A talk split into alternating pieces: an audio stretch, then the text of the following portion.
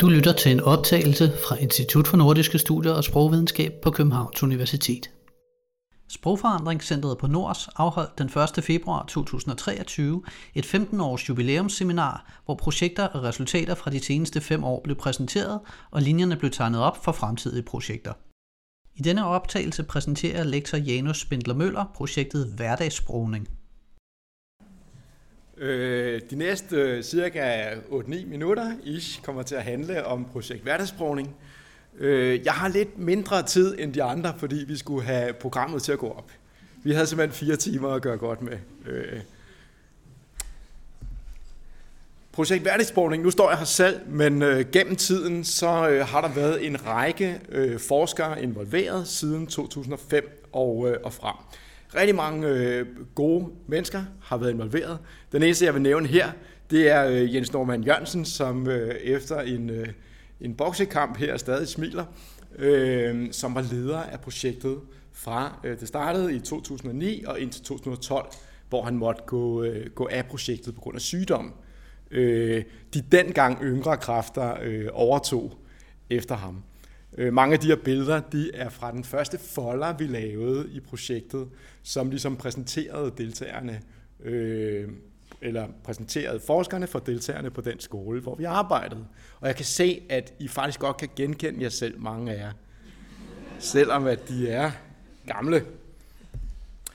Projekt hverdagsprovning, det er måske lidt øh, ikke den mest dækkende term, fordi i virkeligheden så er det en ramme for en lang række af underprojekter.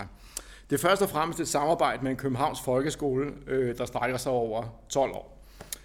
Dog har alle underprojekter det til fælles, at de fra et øh, etnografisk perspektiv undersøger sprog som socialt fænomen i levet liv, sådan som man kan observere det i en øh, københavnsk folkeskole. Og jeg bør nok også sige, at vi valgte folkeskolen bevidst om, at lige præcis her der var en heterogen elevsammensætning i forhold til øh, sproglige baggrunden, men det var også repræsentativt dengang, som det stadig er, for Københavnske Folkeskole. Det, som er helt øh, særligt ved det her hverdagssprogningsprojekt, øh, det er, at vi følger, øh, vi laver etnografiske forløb med hyppige besøg over tid. Øh, denne her slide, den, den viser øh, fire af de klasseårgange, vi har været i, øh, dem jeg ved længst tid. Vi se, første gang var vi der to år, og så er det enkelt år, og så har vi været der tre år i en anden. Og så den sidste øh, med rødt dernede, øh, det var faktisk den, der indsamlede vi fra øh, 10 til 20. Øh, vi startede med skolestarterne i, i øh, 0. Klasse i 2010, og, øh, og fulgte dem ligesom til dørs gennem hele deres skolekarriere. Dog øh, var der et vist benspænd med corona, men, og det er sådan lidt grunden til, øh, at, øh, at det, det er med i dag, vi fik altså indsamlet, vi kom i hus med det her projekt, med at indsamle de sidste data, så selvom at de ældste data i det her projekt måske i virkeligheden er for gamle til at være præsenteret sammen med nye projekter i dag, så er de yngste data stadigvæk relativt friske. Så derfor valgte vi også lidt, at det godt måtte komme med i programmet. Øh, Udover at øh, indgå i, øh, i centrets korpus, så, øh, så har det her projekt øh, også leveret til en af centrets øh, oprindelige målsætninger, nemlig at øh, reteoretisere sprogbegrebet. Øh, og i dag så, så gik jeg og hyggede mig lidt sammen med nogle af de andre på billederne med at prøve at lægge øh, nogle af de øh, faglige værker, som det her projekt har bidraget med gennem tiden, op på vores lille cafébord deroppe, Øh, og som I kan se, så er der blandt andet en række phd afhandlinger og en række udgivende specialer. Det er henholdsvis med blåt og gult, og det er noget, vi måske er særlig stolte af, fordi vi hele tiden har, øh, har sådan kunne øh, hvad kan man sige, samarbejde mellem forskellige generationer af forskere. Okay. Skal vi lige se et hurtigt eksempel fra de nye data øh, indsamlet i sidste omgang. Yes.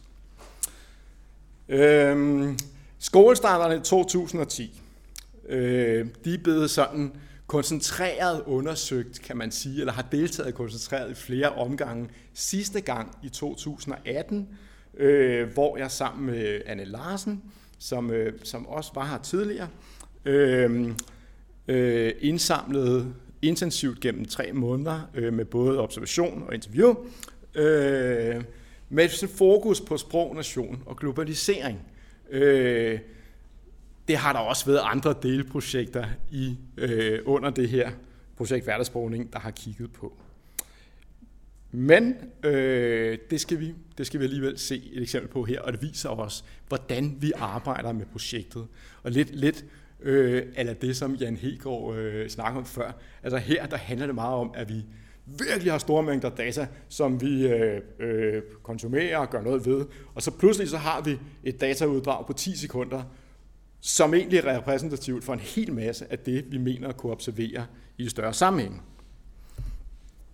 Det eksempel, vi skal se, det er øh, fra en gruppesamtale, hvor at der øh, deltager fire drenge, Ali, Daran, Hassan og Fadil, og øh, alle de her deltagere har øh, migrantbaggrund, og det er en pointe, at Alis familie er migreret fra Pakistan.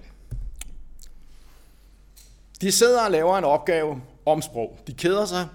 Indimellem er det sådan i løbet af de her opgaver, at de begynder at snakke om sprog, men ikke sådan, så det er i tråd med den opgave, vi har stillet.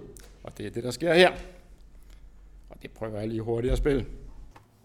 Jeg synes, vi snakker meget øh, skolesprog, som vi snakker med lærerne lige nu. Hvad? Jeg snakker perkerdansk. Siger du Jan Perker? Det var ret intimiderende sagt. Så subtrakterende. Jeg Jeg vil gerne lære noget pakistansk. Kan du lære mig noget? Desværre. Jeg kender ikke det sprog. Ved du, så skrive her? Jeg er dansk. Skal vi lave det her i 45 Jeg har minutter? dansk Jeg bruge en statsborgerskab. subtrakterende pizza. Der faktisk Okay. Det, der foregår her, det kan vi nogenlunde karakterisere som, at drengene leger med labels for sprog, og øh, hvad de betyder socialt, når man klistrer dem på hinanden. Øh, aktiviteten kan beskrives som positioneringer og afvisninger på baggrund af antagelser om sprog. Zoomer vi lige ind på de sidste øh, linjer, den sidste sekvens. Øh, Daran han fremsætter en opfordring til Ali om at lære sig noget pakistansk med distinkt stiliseret udtale. Vi ved fra vores etnografi, at det ikke er den måde, han plejer at snakke på. Vi tillader os at antage, at han paudierer en majoritetstalende på det her punkt. Samtidig så bærer han om at tale noget pakistansk. Vi ved også fra vores øh, etnografiske arbejde, at de tit har denne her øh, leg med sprog. Ali, han siger tit, der er ikke noget, der hedder pakistansk. I skal ikke tro, at bare fordi der er noget, der hedder Pakistan, eller noget, der hedder pakistansk, man taler Punjabi eller Urdu. Men derfor kan det jo godt være sjovt at drille øh, Ali med det her. Darans reaktion, øh, undskyld, Alis reaktion, det er måske det væsentligste i det her uddrag. Han siger, øh, som en afvisning af positioneringen, jeg er dansk, jeg har dansk statsborgerskab. Så han går altså ikke med den der sprogideologiske definition. I stedet for leger han med og indtager en rolle, hvor han øh, siger, at når man er dansker og taler dansk, jamen så kan man jo ikke tale pakistansk.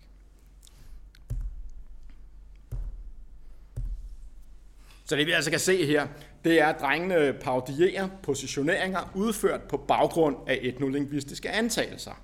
Og deres sproglige leg viser os deres kendskab til en ideologi, hvor beherskelsen af visse minoritetssprog automatisk udelukker, at man også kan være dansk.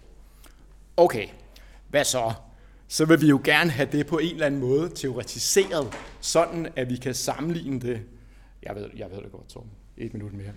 Øh, så vi kan sammenligne det med, øh, hvad der ellers foregår. Der er vi kommet op med øh, en teoretisering af det her, som vi kalder for etnolingvistisk cornering. En talehandling, som positionerer en eller flere samtaledeltagere på baggrund af en antagelse om sprogidentiteter, og en reaktion fra deltagerne, der indikerer, at de ikke er enige i denne her positionering. Og så vil jeg lige vælge at bruge min sidste slide på, at, øh, at sige, altså den, denne her øh, teoretisering, den, den er meget godt i tråd med nogle andre strømninger, der er i øjeblikket i den sociolingvistiske forskning ude rundt omkring i verden. Øh, så det kan godt betale sig at investere mere i at komme noget empirisk kød på det her ben. Og der kommer vi så tilbage til centret igen. Fordi når man så finder noget, så kan man jo faktisk grave 10 år tilbage her. Man kan ovenikøbet sammenligne med nogle tidligere øh, ældre elever øh, i forhold til at finde ud af, hvornår opstod det her, øh, hvornår kan man, kan man se det, hvem er det, der bestemmer, hvad for noget sprog, hvem må tale, hvad for nogle situationer gennem tid. Og øh, en tak for centret, en tak til centret for at gøre det muligt. Og det var det for mig.